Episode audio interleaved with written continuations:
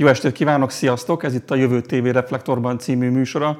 Én Ótin Tamás vagyok a Jövő TV főszerkesztője, mai vendégünk pedig Kerpel Fronius Gábor, Budapest Momentumos főpolgármester helyettese. Jó estét kívánok! Jó estét kívánok! Az első kérdés az arra gondoltam, hogy megkérdezem, ez már régóta foglalkoztat, hogy egész pontosan, hogy a okos városért és részvételiséget felelős főpolgármester helyettesről beszélhetünk.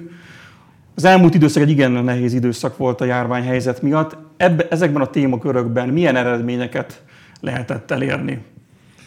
A okos város szempontjából az ember azt gondolta, hogy ez egy nagyon konzervatív városvezetés volt az előző. Ehhez képest azt láttam, hogy a városházán elég komoly koncepciók voltak arra, hogy milyen okosvárosi fejlesztéseket lehetne csinálni. Ezek alapvetően nem csak digitális dolgok, hanem egy sokkal tágabban ér, értelmezett, nagyjából az élhetőségnek a a fogalom körével leírható dolog az, ahogy mi az okosvárost értelmezzük, de alapvetően az elmúlt időszakban azon dolgoztunk, hogy az hogy megjelenjen egy okosvárosi stratégia a városban. Tehát koncepciók voltak, és most az integrált települési, településfejlesztési stratégia lesz az, amiben részleteiben bele fogjuk tudni írni, hogy milyen irányba akarunk menni ezen a területen, és ez fog hozzásegíteni minket ahhoz, hogy, hogy integráltan és a város fejlesztése szem előtt tartva tudjunk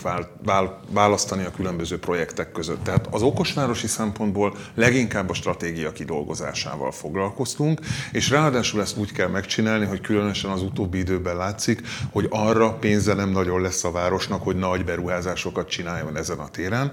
Az nagyon fontos, hogy az európai nagyvárosok, azok általában nem megvalósítani akarják ezeket a projekteket, hanem inkább otthonai akarnak lenni annak, ilyen fogadókészséget akarnak biztosítani, hogy különböző szolgáltatók tudják hozni az újító és a város életét jobbító megoldásait. Ettől a szemlélettől Budapest nagyon távol van.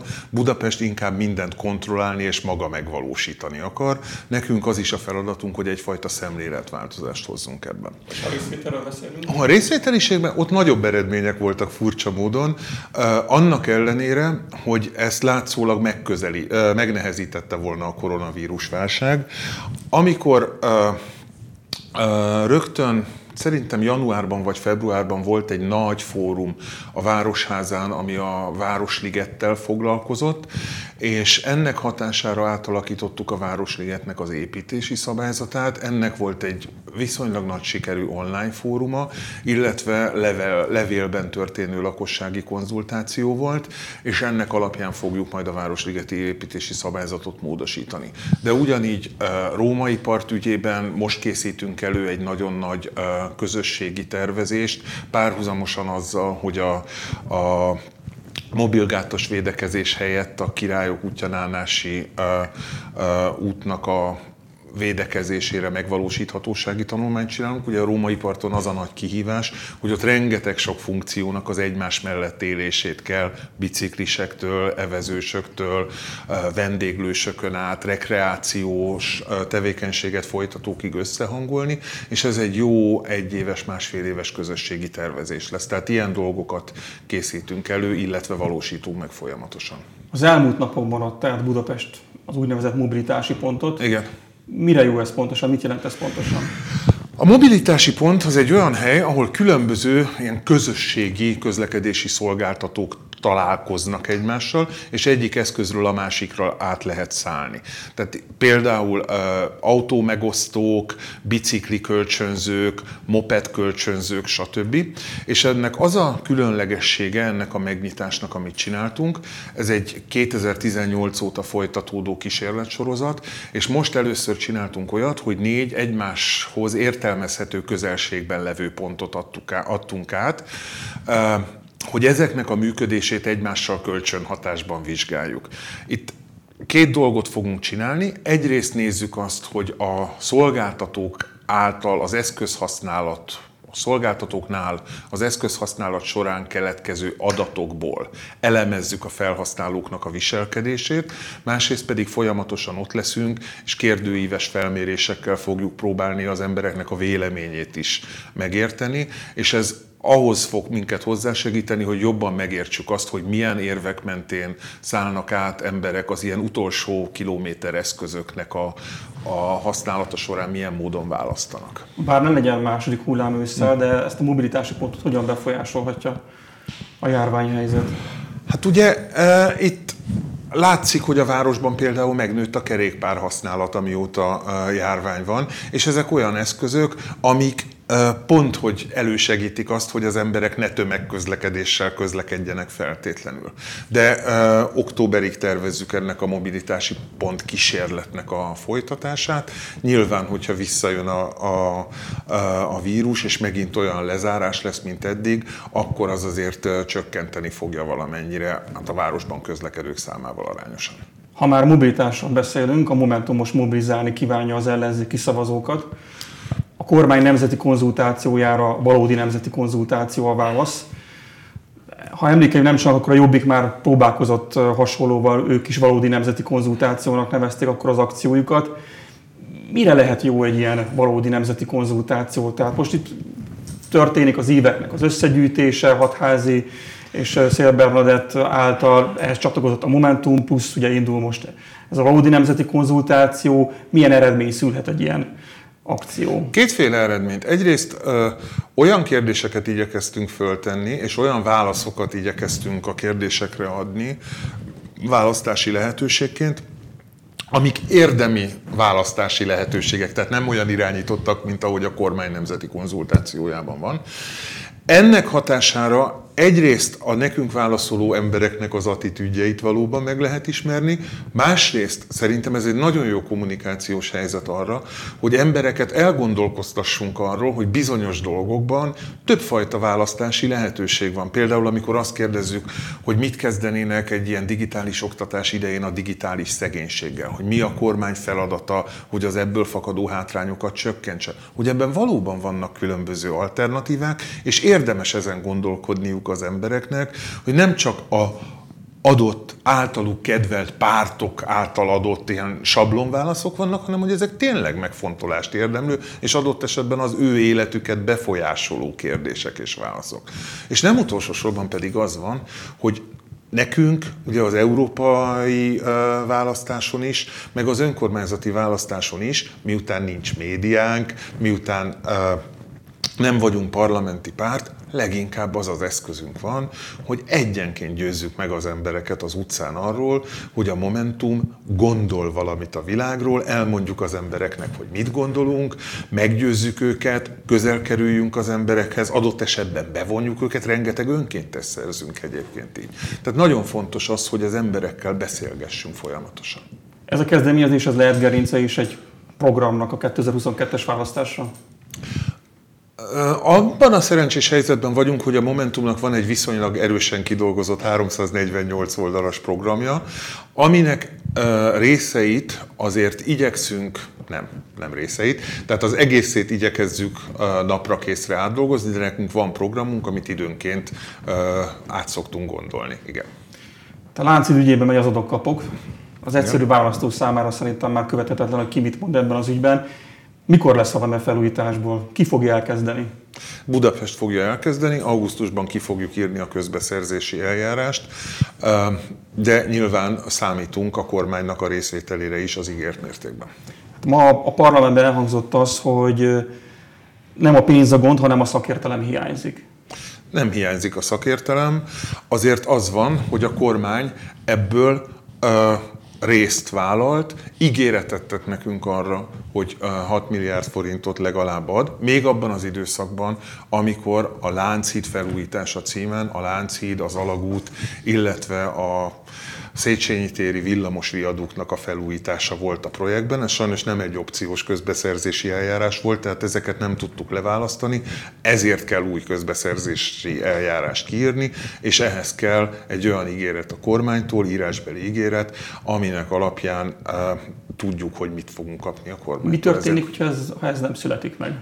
mármint ez a megegyezés, ez az írásos garancia a kormány részéről, hogyha tovább is kötik az ebetek arról, hogy már pedig a kormánynak erre nem kell adni a pénzt, mert Budapestnek van.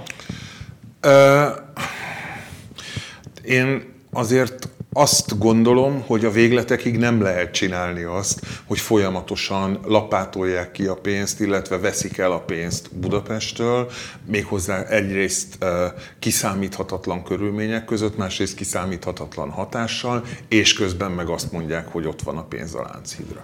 Múlt héten volt vasárnap egy tüntetés, Lényegében arról szólt, hogy demonstráltak az ellenzéki pártok, az ellenzéki szereplők az önkormányzati elvonások miatt. Az ilyen demonstrációkkal, tüntetésekkel célt lehet érni? Csak ezekkel nem. Ugyanakkor azonban fontos, hogy felhívjuk a figyelmet. Ezt nem is, egyébként nem is tüntetésnek szerveztük, igazából flashmobnak, ezt csak így a mérete miatt mondom. Szükség van ilyen figyelemfelhívó akciókra, de csak ezzel nem lehet. Most a Momentum bekerült a hírekkel azzal kapcsolatban is, hogy a fővárosban vizsgáló bizottság indítását kezdeményezik az elmúlt évek korrupciós ügyeit feltárva. Vannak konkrét esetek, ügyek, amelyek már így a Momentum politikusnak a fejében járnak, hogy mi az, amivel foglalkozni kell? Hát Uh, igyekeztünk mindazokat a kérdéseket elővenni, amelyeket az elmúlt időszakban, amelyek az elmúlt időszakban akár a sajtóban, akár korrupciókutató intézeteknél fölmerültek, illetve a politikában vagy a közvéleményben érdeklődésre tartottak számot. Elektronikus jegyrendszer, 3-as, 4-es metró, patkányírtás különösen, akkor a Bálna ügye, a Rácfürdőnek az ügye, ami egyébként egy nagyon érdekes kérdés, illetve hát a Fidesz javaslatára fölvettük például a kombinóknak az ügyét is, és azt ezen a helyen is el kell mondani, hogy én nagyon örülök, hogy ez egy olyan vizsgálóbizottság lesz, ami nyitva van a fővárosban ellenzékinek számító politikusok részére is, és ők elfogadták a meghívást, és jönnek még hozzá nem is alacsony képviselettel. Tarlós István volt főpolgármester, azt mondta, hogy már most akkor meg lehet tenni a feljelentését, kíváncsian várja, hogy ennek mi lesz az eredménye. Én, ha jól emlékszem, akkor Tarlós István ezt egy kicsit személyesebbre vette, de itt nem annyira Tarlós István személyéről van szó. Mindenki tudja, hogy azért, hogyha itten valami történt, akkor az elsősorban nem a városházán, hanem a fővárosi cégeknél, illetve a beruházások közben történt. Milyen intervallumot venne figyelembe a vizsgálóbizottság? Tehát csak a 2010 és 19 közötti időszakot vizsgálnák? Nem, visszanyúlunk 2010 előttre is. Egy kicsit más kérdés. A Momentumnak nemrégiben volt a tisztújítása ha információink nem csalnak, és talán ez ki is jött a sajtóban, hogy ön is elindult uh-huh. jelöltként, csalódott az eredmény miatt? Persze, mert voltak terveim, de a vasárnap este volt a csalódásé, és utána dolgozunk együtt tovább. Tehát olyan emberek kerültek az elnökségbe, akiket én ismerek, akikkel dolgoztam együtt. Most Nyilván ők is összehangolják a cselekvésüket, mert hogy mindannyian különböző programmal kerültek be. Kell lennie egy elnökségi programnak, és valamennyiünknek az a célunk, hogy itt 2022-ben a Fideszt elkergessük. Más momentumos politikusunkat is megkérdeztük arról, hogy mit mond el a pártról az, hogy elindulnak az ellenzéki pártnak a legismertebb arcai, és mégsem jutnak be az elnökségbe. Tonát Anna, Kerper Frónius Gábor, Déri Tibor elindultak, és senki nem jutott be közülük? elindult viszont Orosz Anna, elindult viszont Hajnal Miklós. Ez szerintem két dolgot jelent. Egyrészt, hogy iszonyatosan nagy verseny volt belül. Ez egy három hetes, nagyon-nagyon fárasztó folyamat volt, belső kampányjal, nagyon komoly vitákkal, programírással. A másik pedig az, hogy Annyira nagy az összetartás ebben a pártban, hogy a küldöttek, akik az elnökségi tagokat választották, úgy gondolták, hogy azok az emberek, akik már megépítették magukat és vezető politikusok, azok ezt a sarzsiukat, ezt a tevékenységüket vinni fogják anélkül is, hogy elnökségi tagok lennének.